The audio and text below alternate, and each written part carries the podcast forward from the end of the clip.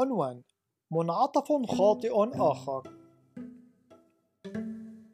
يعتقد الكثير من الأشخاص أنهم إن عملوا على التخلص من خطاياهم وأعادوا تأهيل أنفسهم فإن الله سوف يترأف عليهم ويخفض عقوبتهم.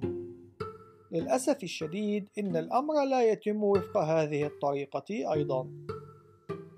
حتى وإن حاولنا أن نقوم بتحسين أنفسنا لنصبح كاملين أخلاقيا فإن الحقيقة هي أننا لن نكون قادرين أبدا على القيام بذلك. هل تعتقد أن هذا الأمر ممكن؟ حسنا، ابدأ الآن. ابدأ بالحياة وفق معايير الكمال الأخلاقية وتحقق من ذاتك بذاتك في نهاية اليوم. إن الأمر لن يحصل. لن تستطيع إتمام الأمر ولن أستطيع إتمام الأمر. لا أحد يستطيع إتمام الأمر. إلا أنه يوجد أمران آخران يجب مراعاتهما في هذا المقام.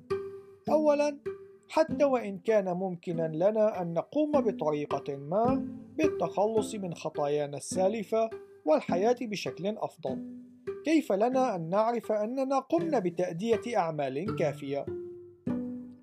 ما هو المعيار الذي يمكننا أن نقيم من خلاله كم التأديب الذاتي أو كم الأعمال الصالحة التي يجب أن نقوم بتأديتها حتى نبرر أخطاءنا؟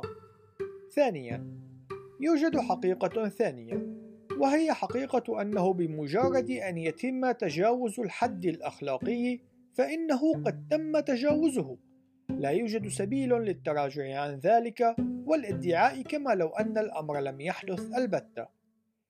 إن المجرمين لا يستطيعون التماس الرحمة على أساس طلب الفرص الثانية، والنتيجة هي أننا قد تركنا مع وصمة دائمة على سجلنا لا يمكن أن تمحى أبدا، ولن تتلاشى مع الوقت، كما أنه لا يمكن التراجع عنها.